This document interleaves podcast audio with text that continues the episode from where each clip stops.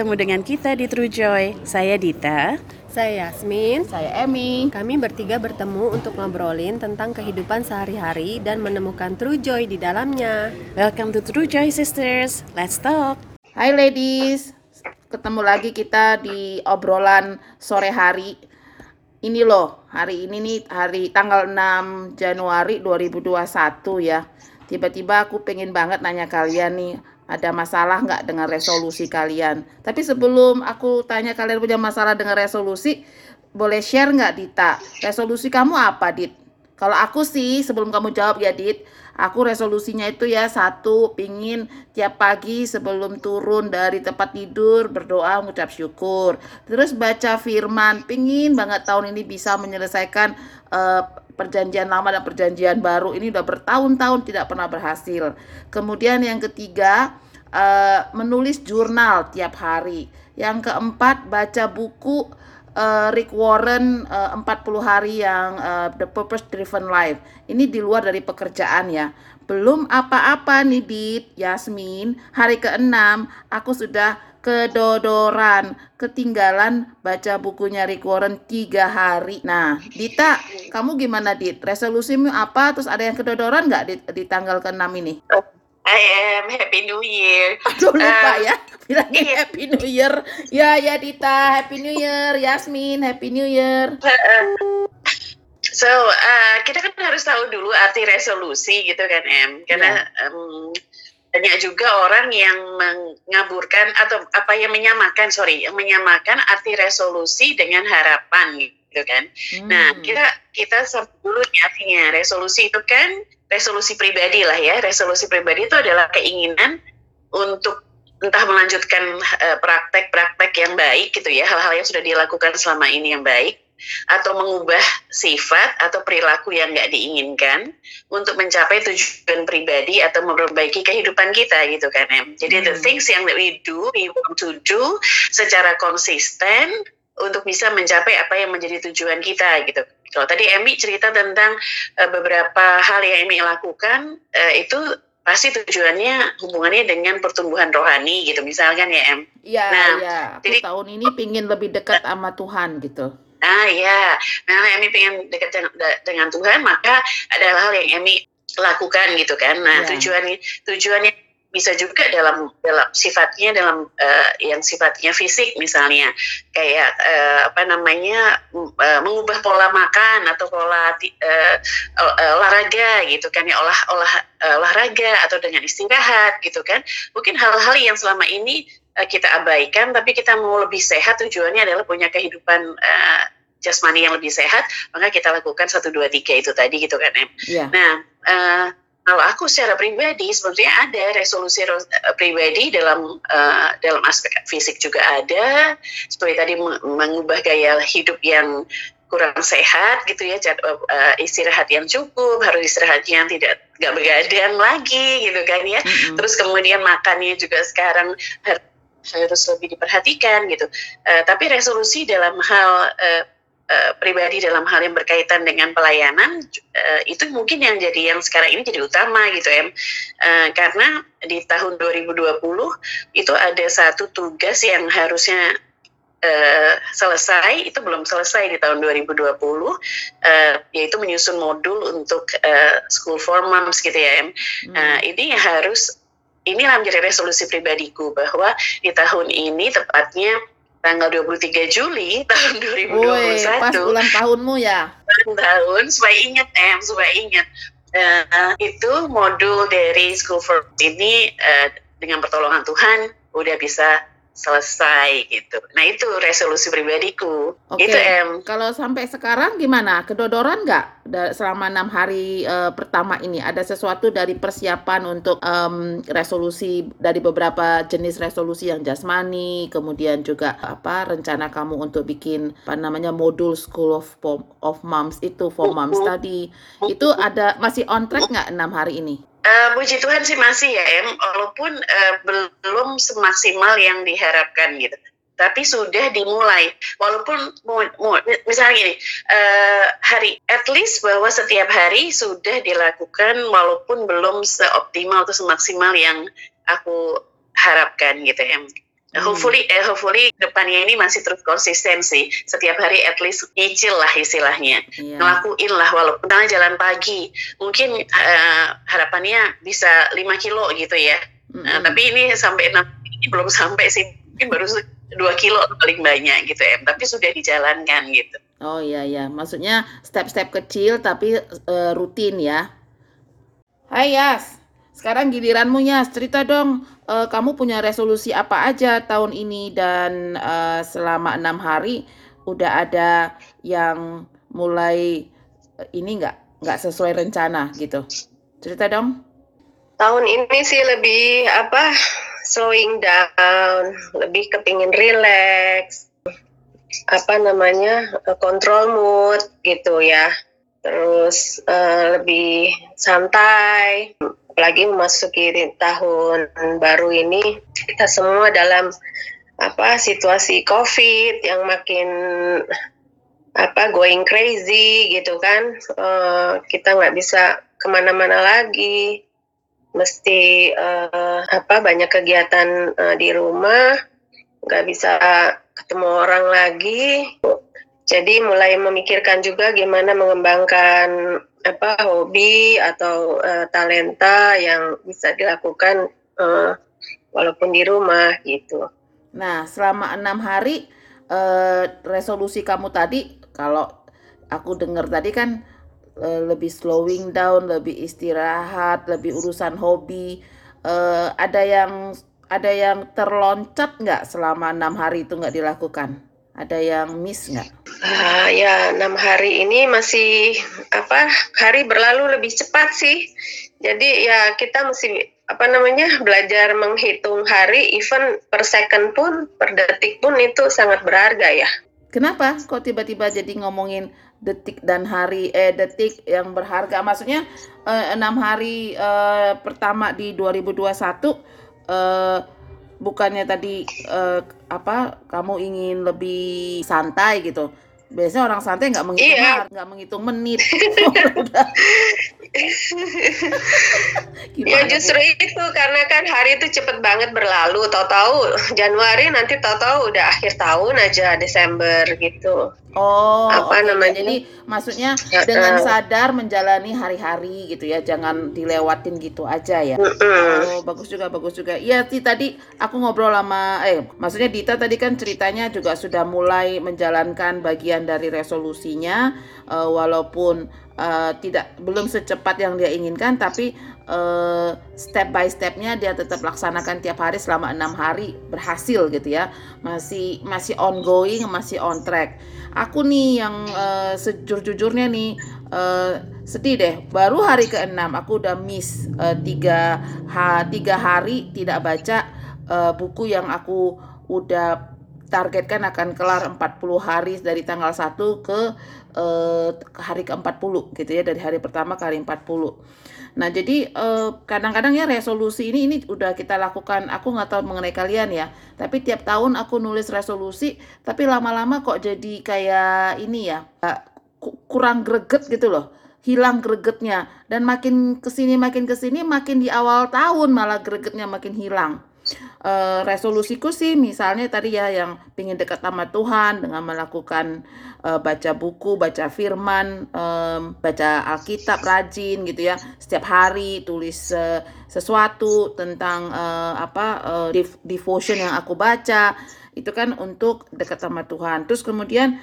pingin ngurangin berat badan gitu misalnya dengan diet dan olahraga tiap hari. Baru enam hari aku udah miss olahraganya yang mestinya tiap hari jadinya uh, dua hari sekali. Jadi dalam enam hari aku baru dua atau tiga kali. Nah pertanyaannya adalah masih penting nggak sih uh, punya resolusi kayak gini nih? Menurut kamu gimana dit? Masih penting nggak sih kita tiap tahun menuliskan resolusi atau memikirkan resolusi? Buat aku secara pribadi sangat penting karena dengan demikian kita bisa tahu apa yang kita harus lakukan hari demi hari. Kita punya tujuan gitu.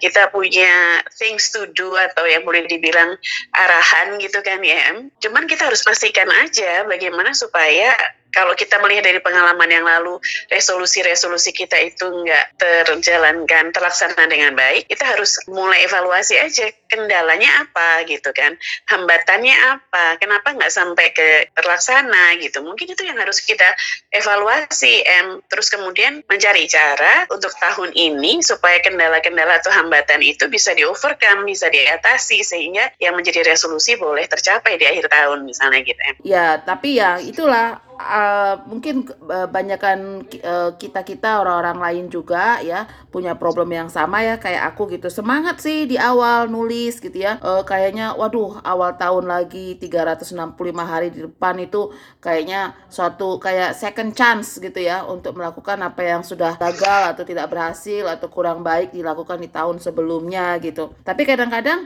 ya kayak sekarang jadi agak uh, jadi agak down gitu gara-gara ya baru minggu pertama udah ada yang miss gitu. Kemarin itu aku denger uh, Yasmin nih uh, keluarin satu istilah yang bagus banget. New Year Revolution. Kebayang nggak itu Dita? Yasmin ngomong gitu. Ayo sekarang bertanggung jawab uh, Yasmin, kamu bertanggung jawab ceritain apa maksudmu dengan New Year Revolution? Apa ya, itu? kalau seha kalau resolution itu kan sehari-hari day to day yang kita mau achieve gitu kan. Kalau revolution itu kan sesuatu apa namanya perubahan yang kita ingin hanya lakukan gitu di tahun ini. Mungkin nggak apa nggak nggak bisa dilakukan secara cepat tapi secara uh, proses. Tapi itu uh, sesuatu yang apa namanya revolusioner gitu. Revolusioner itu kan berarti uh, satu uh, tindakan perubahan gitu loh yang uh, mengambil apa ya kayak U-turn gitu ya. Jadi istilahnya kita uh, di tahun ini itu adalah benar-benar tahun integritas di mana karakter kita tuh nanti yang akan diuji. Jadi gimana kita membangun uh, karakter karakter kita yang okay. penuh dengan aku, aku uh, buah-buah roh itu kasih, sukacita, damai,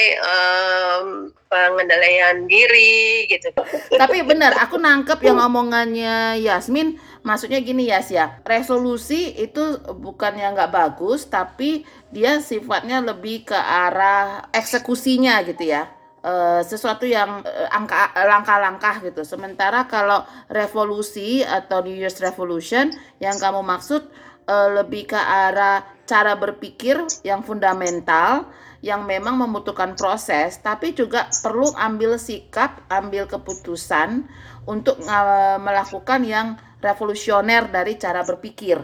Kira-kira uh, seperti itukah uh, Yasmin? Kalau uh, Dita bisa kasih komen nggak Dit? Uh, menurut kamu apa nih New Year's Revolution ala Dita? Wow, uh, iya kalau ngelihat dari arti revolusi sendiri itu kan satu perubahan yang sifatnya cepat gitu ya boleh dibilang uh, mendasar banget gitu. Kalau dilihat dari arti revolusi dan atau atau yang sifatnya radikal gitu kan. Itu satu hal yang kayak tadi Yasmin mungkin bisa kasih ya, tadi kasih gambaran tentang kayak U-turn gitu. Benar-benar berbalik gitu berbalik arah um, berubah banget gitu ya dari yang ada. Kalau mau dibilang apakah itu bisa di, diterapkan di dalam uh, kehidupan tentang sifatnya revolusi kita pernah belajar di sejarah ada revolusi industri gitu kan ya yang sifatnya sosial politik gitu ya sifatnya berubah sama sama, eh, sama sekali berubah jadi berbeda sama sekali gitu. It can happen gitu kan. Tapi kalau bukan uh, operasi plastik kan? Uh, itu revolusi penampakan ya oh iya. Nah kalau revolusi yang dalam hal mental saya ya walaupun ya kita pernah dengar ini istilah ini beberapa tahun yang lalu dan sangat-sangat jadi panam banget gitu. Tapi kalau kalau dilihat apakah uh, perubahan yang sifatnya mental itu bisa terjadi secara cepat dan um, drastis atau radikal ya. Sementara segala sesuatu yang kalau kita percaya, apalagi di dalam firman Tuhan gitu ya, kita semuanya pasti sebagai orang Kristen ketika kita lahir baru, which is itu sifatnya revolusi ya. Kalau saya bilang benar-benar berubah, kita dari manusia lama uh, jadi orang yang berdosa yang nggak yang nggak percaya pada Kristus, kemudian dikasih sama Tuhan anugerah uh, iman gitu untuk boleh percaya kepada Kristus, itu kemudian uh, yang tadinya mencintai dosa sekarang membenci dosa yang tadinya uh, membenci Allah sekarang mencintai Tuhan gitu kan ya itu kan revolusi ya kelihatannya tapi itu dikerjakan secara supernatural oleh Allah sendiri. It can it it can happen by the grace of God, by the supernatural power of uh, God Himself gitu kan. Tapi kalau yang sifatnya mental, which is mental tuh meliputi pikiran, perasaan, kehendak gitu ya, um, kemudian sikap mempengaruhi sikap dan perilaku. Uh, kalau itu terjadi juga pada saat kita dilahirkan kembali uh, as, a, as a newborn Christian, langsung berubah nih kita pikiran kita perasaan kita pada maya kehendak kita langsung kudus penuhnya gitu ya. Uh, maka kita dapati hari ini harusnya kita udah nggak lagi mikir uh, punya pikiran yang negatif. Harusnya hari ini perilaku kita sama sekali sudah kudus. Perkataan kita nggak pernah nggak pernah salah gitu kan ya. Uh, yang saya ngelihat bahwa kalau yang namanya revolusi mental, kalau melihat dari Alkitab sendiri, mental itu perlu mengalami namanya proses transformasi gitu kan. Nah proses transformasi itu bukan satu hal yang sifatnya mendadak, tapi sifatnya uh, gradually, progressively gitu kan ya. Makanya disebut dengan pengudusan progresif gitu kan, yang terus menerus dikuduskan terus menerus semakin hari secara gradually, secara progressively itu kita diubahkan gitu. Jadi our pikiran apa uh, diubahkan by the transformation of the renewal of mind gitu kan. Roma 12 ayat 2 katakan pembaruan akal budi itu nggak terjadi serta merta gitu atau dengan cepat bahkan seumur hidup kita kita akan ngalamin transformasi proses transformasi ini gitu em. Jadi hmm. kalau dibilang revolusi dalam hal yang karakter uh, aku kurang setuju karena lebih lebih lebih setuju pada kata uh, transformation ditransform into Christ likeness gitu ya menjadi serupa dengan Kristus daripada memakai kata harus terjadi revolusi karakter gitu misalnya. Hmm. Oh, oke. Okay.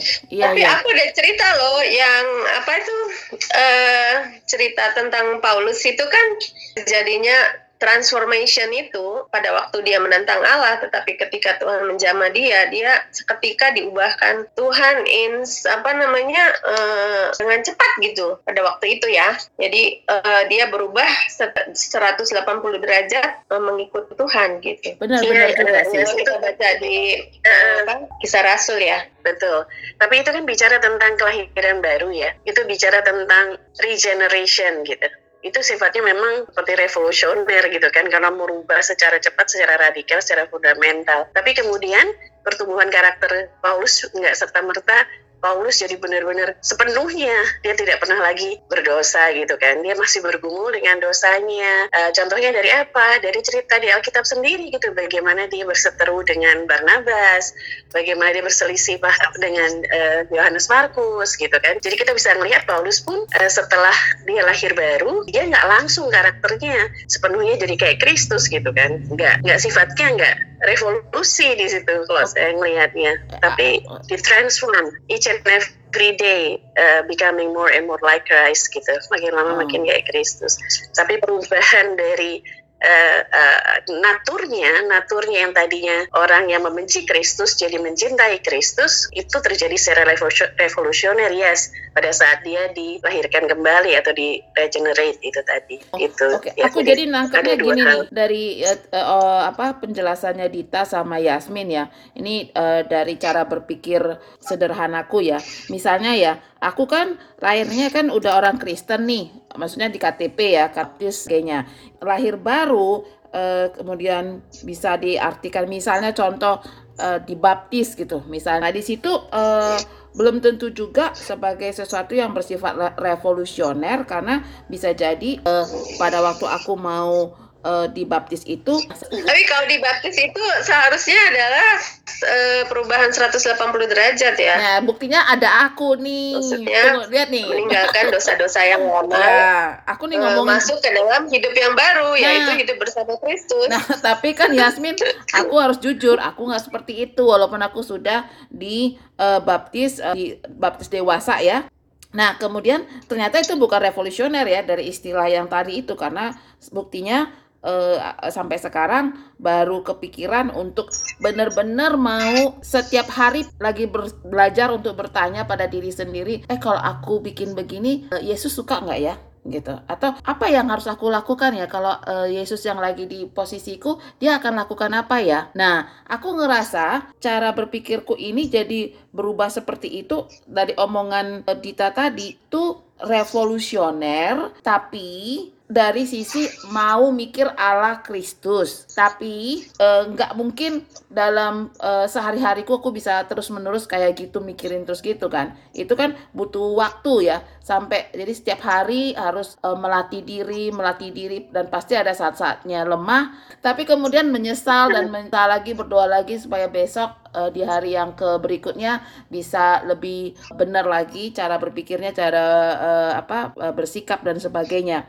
Jadi revolusionernya memang hanya satu kali, tapi sisanya adalah progres-progres uh, kecil uh, yang konsisten. Bener nggak? Gimana Dita? Uh, betul, jadi betul kalau kita ngomongin tentang pertobatan gitu kan ada pertobatan radikal itu yang lain sifatnya revolusioner itu. Okay. Pada saat kita dilahirkan kembali terjadi itu pertobatan radikal yang uh, terjadi sekali gitu ya dan radically sifatnya revolusioner. Tapi pertobatan setiap hari adalah pertobatan yang membawa kita ketika kita menyadari bahwa kita berdosa, kita menyesalkan dosa kita dan kemudian kita datang pada Tuhan minta ampun dan kemudian tiap kali kita semakin diubahkan gitu semakin dikuduskan. Nah itu pertobatan tiap hari namanya. Kedua-duanya eh, pertobatan tiap hari ini baru bisa terjadi kalau sudah ada pertobatan radikal. Nah banyak sekali orang Kristen agamanya Kristen walaupun sudah dibaptis gitu kan ya belum mengerti tentang sebenarnya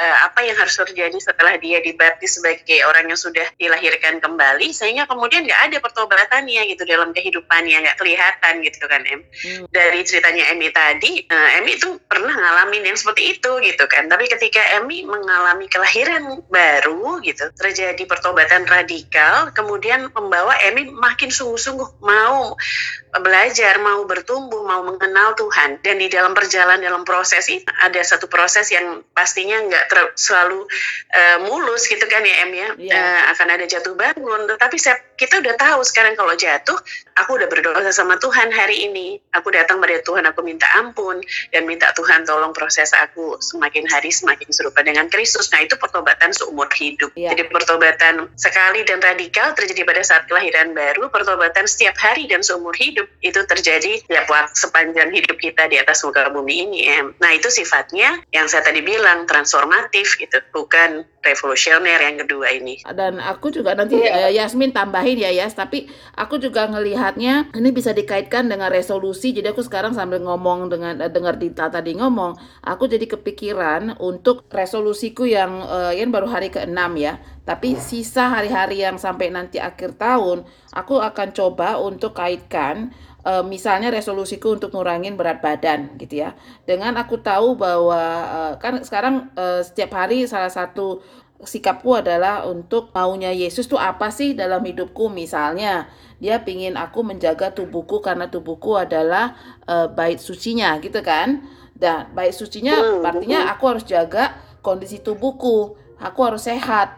Untuk sehat aku harus olahraga, jaga makanan. Jadi uh, tujuannya aku menjaga uh, kesehatanku, menjaga ke uh, tubuhku bukan supaya aku kelihatan lebih langsing, ke lebih dari bagian dari yang diinginkan Yesus supaya tubuh yang tubuhku ini memang sehat karena tubuhku adalah bait sucinya dia. Salah uh, begitu bukan? Yes. Iya, supaya kita bersinar. Iya, yang mulainya misalnya yang pemikiran revolusioner yang diubahkan ya sama Tuhan naturnya.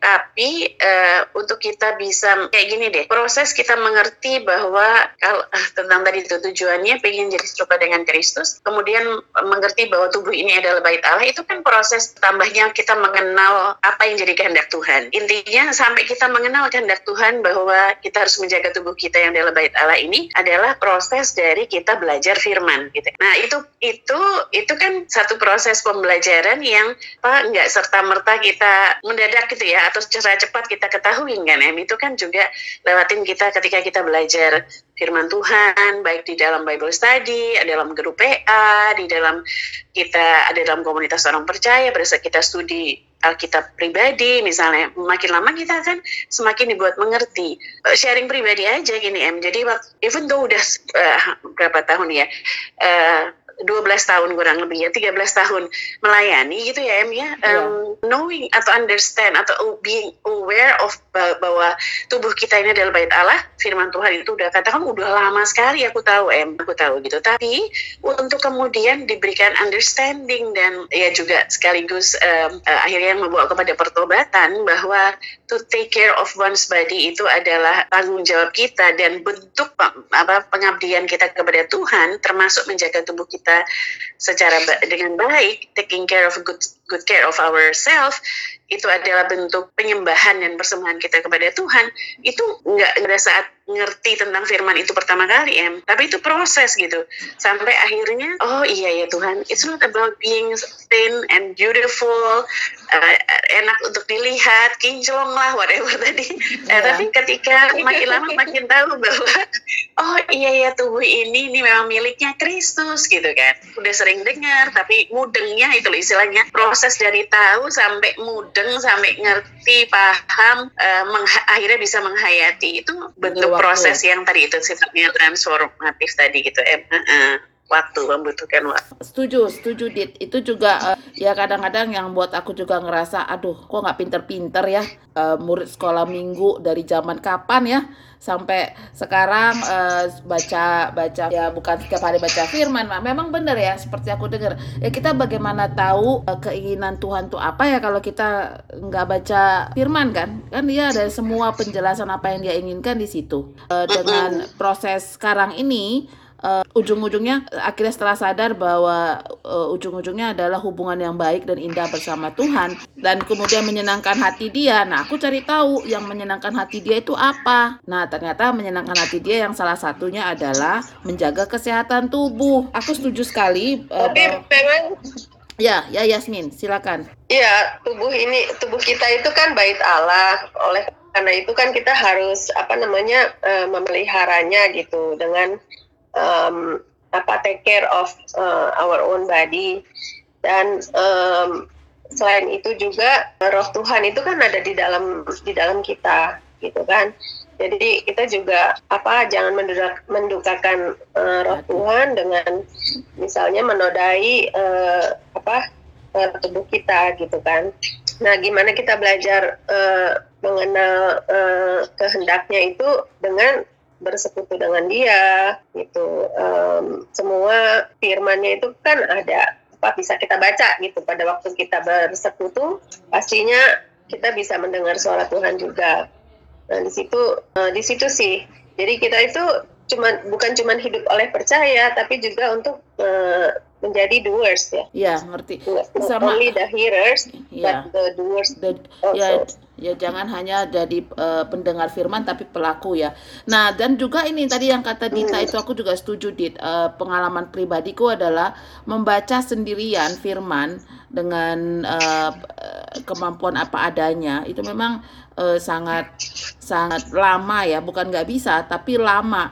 Nah, dengan uh, mendengarkan uh, ya misalnya kayak Eh, penjelasan dari Dita yang sudah lebih lama di dunia pelayanan, Yasmin juga gitu ya, terus dari uh, Bible study, kemudian dengerin sermon uh, apa namanya khotbah-khotbah gitu ya, kan diuraikan gitu ya, didetailkan apa sih yang dimaksud uh, di dalam firman ini dan firman itu. Baru oh begitu ternyata gitu ya. Jadi memang ternyata kita perlu terus menerus fellowship ya. Kita harus terus menerus belajar uh, bersama uh, dengan orang yang memang sudah punya pengalaman mengerti uh, firman itu lebih dalam sehingga kita juga bisa bawa firman itu ke dalam kehidupan kita sehari-hari lebih aktual gitu lebih uh, relate gitu loh dengan kehidupan sehari-hari. Nah ini juga berhubungan dengan uh, uh, sukacita ya berhubungan dengan sukacita kita. Karena gini ternyata ya uh, kalau ini pengalamanku pribadi dalam enam hari terakhir ini ketika aku mencoba untuk menjalankan resolusi kemudian resolusi itu dibawa kepada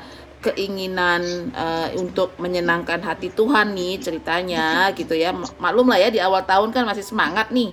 Itu ternyata uh, sukacitanya beda memang ya. Uh, ketika kita dengan sadar melakukan sesuatu uh, yang disenangi nama Tuhan rasanya beda ya dengan yang kita uh, lakukan untuk diri sendiri gitu kalau kita sadar bahwa yang kita lakukan untuk dia gitu Menurut kalian gimana ibu-ibu? Sukacita sejati itu terjadi juga nggak dalam resolusi? Setuju banget, Em. Iya, Setuju banget. Kenapa, Em? Kira-kira kenapa ketika kita melakukan ya untuk Tuhan, kita mendapatkan sukacita itu daripada pada saat kita melakukannya untuk eh, tujuan kita sendiri. Kira-kira kenapa, Em? Iya kan? Menurut Emi? Eh, ya, ini pertanyaan bagus nih. Kalau kita jadi sukacita yang yang sukacita sejati yang beneran gitu, karena kita melakukannya melakukan resolusi itu karena dia, ya karena dia sumber sukacita ya. Jadi kita lebih bener nggak? Oke, eh, karena kita gini nih kadang-kadang ya, em, kadang-kadang kita tuh eh, apa namanya mencari-cari kan di dalam segala sesuatu tuh kita mencari sebenarnya kebahagiaan gitu kan ya. Ya. Eh, kita melakukan ini eh, kurus mungkin kita jadi lebih bahagia gitu. Eh, apa kinclong pasti kayaknya lebih bahagia karena banyak yang muji misalnya gitu. Eh, tapi ketika eh, ketika kita melakukannya untuk Tuhan sesungguhnya di situlah letak kebahagiaan kita. Our true joy itu datangnya ketika kita melakukan kehendak Tuhan gitu kan. Knowing that we're doing it untuk Tuhan bukan hanya untuk eh, semata-mata tujuan kebahagiaan kita, tapi malah kita di- jadi lebih bahagia. Kenapa? Karena itu sesuai dengan apa yang Firman Tuhan katakan, Em. Nah kalau kita buka tuh ya di Yeremia gitu ya, Em ya. eh, dan atau di Mazmur 1 gitu ya akan ditemukan kata-kata blessed be gitu. Diberkatilah atau eh, suka diterjemahkan berbahagialah orang gitu yang melakukan kehendak Tuhan gitu. Yang melakukan eh, kesukaannya Tuhan gitu. Kenapa? Kita akhirnya kita disebut berbahagia ketika kita melakukan yang kita tahu itu menyenangkan hati Tuhan because we were created for Him em. kita tuh diciptakan bukan untuk diri kita sendiri. Kita tuh diciptakan untuk Tuhan sehingga ketika kita hidup seperti yang Tuhan mau, di sana kita dapat kebahagiaan kita yang sejati. Kita nggak akan temukan kebahagiaan kita di dalam tujuan kita untuk kita sendiri gitu. Tapi kita akan menemukan kebahagiaan kita ketika kita melakukannya untuk Tuhan yang karena dia kita hidup, yang untuk dia kita hidup. Therefore, ketika itu dilakukan, di situ kita temukan kebahagiaan sejati itu our true joy itu, Em because we were created for him. ya, Yeah, ya, we are created to worship Him. We are created to love others. We are created to also serving others gitu. Jadi semua ya kita diciptakan oleh Tuhan dan untuk Tuhan. Oh iya iya iya benar-benar. Jadi seperti kalau aku eh, ambil sarinya nih dari omongan Gita Mayasmin, sukacita sejati kita kalau kita kaitkan dengan resolusi kita ini tadi, kalau resolusi itu dikerjakan dengan berdasarkan keinginan kita untuk menyukakan hati Tuhan, balik-baliknya kita yang dapat sukacita sejati itu ya. Jadi true joy itu kita dapat eh, pada saat kita eh, tahu yang kita kerjakan ini menyukakan hati Tuhan, bener nggak? Benar banget, Em. Oh. Eh, gini deh, contohnya sama seperti seperti ya contoh yang nggak bisa menggambarkan sepenuhnya ya, tapi ilustrasi yang mungkin eh, bisa kita kita apa gitu. Misalnya tentang eh, anak-anak gitu kan ya. em, ketika anak kita melakukan apa yang kita sukai gitu sebagai orang tua gitu kan apa yang kita lakukan sama anak kita pasti kita akan entah kita memuji kita kita eh, mungkin kita ngasih apa yang selama ini dia inginkan gitu kan Eh, karena kita kita please gitu kita please by what eh, apa yang anak kita lakukan gitu sama kita dia Ya kita mentaati mendapat reward. Ah, iya. kotak kehidupan. Nah, dia mentaati apa yang mamahnya. Ah, ah, gitu kan. Pasti akan kita peluk. Mungkin itu buat dia pasti akan berbahagia gitu kan. Anak kita akan senang karena ketika kita aduh mama mama I'm so proud of you. I'm so blessed to have you as my son atau my daughter. Anak kita mendengar itu dia akan berbahagia gitu kan em. Ah, Ah. sama ketika kita melakukannya untuk Tuhan dengan segenap hati untuk Tuhan untuk Tuhan ya bukan untuk dapetin apa yang Tuhan mau kasih ketika kita mendatangkan sukacita di hati Tuhan, senyuman di wajah Tuhan gitu ya, Em. Ya. Maka percaya deh kita akan menerima sukacita yang eh, jauh lebih besar daripada sekedar melakukannya untuk diri kita sendiri gitu. Oke, Dan aku, kita aku aku jadi nangkepnya mendapatkan kehidupan. ya, aku nangkepnya gini sebelum kita say goodbye nih ladies. Eh, jadi resolusi eh, tahun ini kalau kita eh, lakukan dengan alasan motivasi atau dasar untuk menyenangkan hati Tuhan, ya jadi bukan untuk menyenangkan hati kita. Jadi waktu kita menulis atau memilih resolusi itu kita udah udah doa dulu kita cek dengan uh, firman atau kita cek dengan uh, kita uh, berdoa de, uh, uh, pada Tuhan dan dia akan uh, pilihkan untuk kita. Dan kemudian kita dengan menggunakan cara berpikir itu kita akan uh, apa uh, akan mendapatkan true joy yang sesungguhnya pada saat kita melakukan resolusi kita tadi maksudnya step-step ataupun aktivitas-aktivitas yang sudah kita siapkan kita tuliskan bahwa kita akan melakukan itu karena kita tahu itu akan menyenangkan hati dia. Dan iya, akibatnya ya, dan bukan dengan segenap kasih. Ya dan akibatnya si resolusi itu misalnya nih contohnya aku tadi ya belum apa-apa aku udah skip tiga hari tidak baca buku itu Nah, berarti mungkin mungkin pada waktu aku menuliskan resolusi itu, aku tidak benar-benar untuk mencari tahu ini untuk, untuk menyenangkan hati Tuhan apa enggak gitu. Uh, ya itu memang dibutuhkan pemikiran yang lebih. Butuhkan satu perenungan ya. Ya, mungkin mungkin itu. Jadi maksudnya sim, uh, kalau disederhanakan ketika kita menyusun sebuah daftar resolusi, bawalah itu dalam doa, pikirkan baik-baik apakah itu untuk kita atau untuk menyukakan hati Tuhan. Begitu kita sadar itu menyukakan hati Tuhan, dengan sendirinya kita juga akan dapat true joy pada saat kita se uh, konsisten dan uh, disiplin melakukan resolusi tersebut. Benar nggak nih kira-kira konfirmasi ini pernyataan ini bisa dikonfirm sama uh, Dita sama Yasmin atau ada yang lain nih sebelum kita say goodbye? Iya, yeah, uh, apa firman Tuhan katakan kan di dalam segala sesuatu yang kita lakukan untuk Tuhan gitu kan. Kita lakukan Kolose 3 23 itu kan. Jadi pada saat kita kayak Emi baca buku itu sebenarnya uh, bukan hanya sekedar nyelesain hari per hari gitu kan Em. Tapi through the reading itu melalui pembacaan itu Emi dibawa untuk um, karena Emi punya kerinduan mengenal Tuhan, karena Emi punya kerinduan untuk memahami hati Tuhan gitu. Uh, firman Tuhan di Yeremia 9:23 katakan gini berbahagia bahwa manusia itu bukan berbahagia ketika dia kaya, kuat, punya segalanya, tapi di, ketika dia mengenal dan memahami Allah gitu. Jadi ketika itu yang menjadi spirit, itu yang menjadi semangat bahwa ah because I want to know God, because I want to be uh, a person yang Tuhan perkenan, aku makanya baca ini maka aku, aku percaya M itu tiap hari Emi akan makin pingin tahu apalagi nih Tuhan, apalagi nih Tuhan tanpa terasa 40 hari selesai gitu kan oh, M bacanya. Aduh, benar benar benar. Ini jadi semangat nih aku akan mau mulai lagi. Oke okay lah, oke okay lah. Yasmin, nah, ayo ya. Kalau yang hubungannya sama Ah. Sorry tambahin sedikit ya Em, yeah, iya. hubungannya yeah. sama modul yang tadi yang aku mau selesaikan untuk School for Moms oh, adalah yeah. uh, karena percaya bahwa Tuhan tuh memberikan ini uh, for uh, to me and I have to be a good steward harus menjadi pengelola yang baik gitu kan Em uh, ketika menjadi pengelola yang baik dari apa yang Tuhan sudah percayakan inilah sebenarnya persembahan yang akan menyenangkan hati Tuhan. Jadi ketika mulai stuck, mulai males kadang-kadang ya pasti ada kita ada ada masa masa-masa itu mulai berat, mikirin lagi gitu bahwa tapi Tuhan udah kasih karunia, udah mengaruniai kepercayaan yang sebesar ini gitu.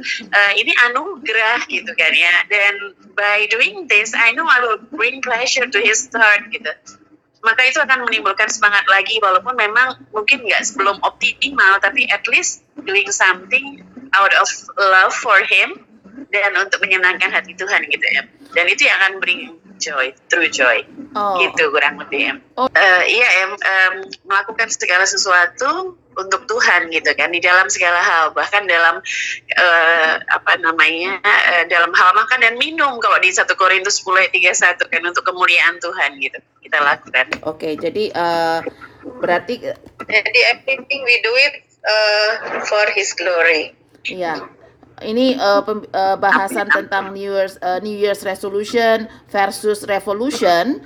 Uh, jadi makin jelas dan thank you banget ya Dita, Yasmin. Aku jadi makin semangat untuk menyelesaikan uh, resolusiku. Tapi aku akan sekarang uh, menseleksi lagi resolusi mana, hal-hal uh, mana yang kiranya itu hanya lebih ke arah untuk kesenanganku atau untuk kesenangan dia. Supaya tujuannya adalah e, bukan karena mau mengurangi jumlah yang mau dikerjakan tapi a- aku ingin eh, melakukan sesuatu yang konsisten dan konsisten itu bisa terjadi kalau aku tahu yang kulakukan itu untuk kesenangannya dia. Jadi kalau untuk kesenangan dia Yes. kan otomatis menjadi sukacita sejatiku juga. Jadi ya eh, diskusi kita sungguh eh, membuka untung ya dibahas di awal tahun. Jadi eh, kita masih punya 51 minggu lagi untuk melakukan sesuatu yang lebih baik. Oke, Dita, Yasmin, Oke, thank you so much, ladies. Thank you.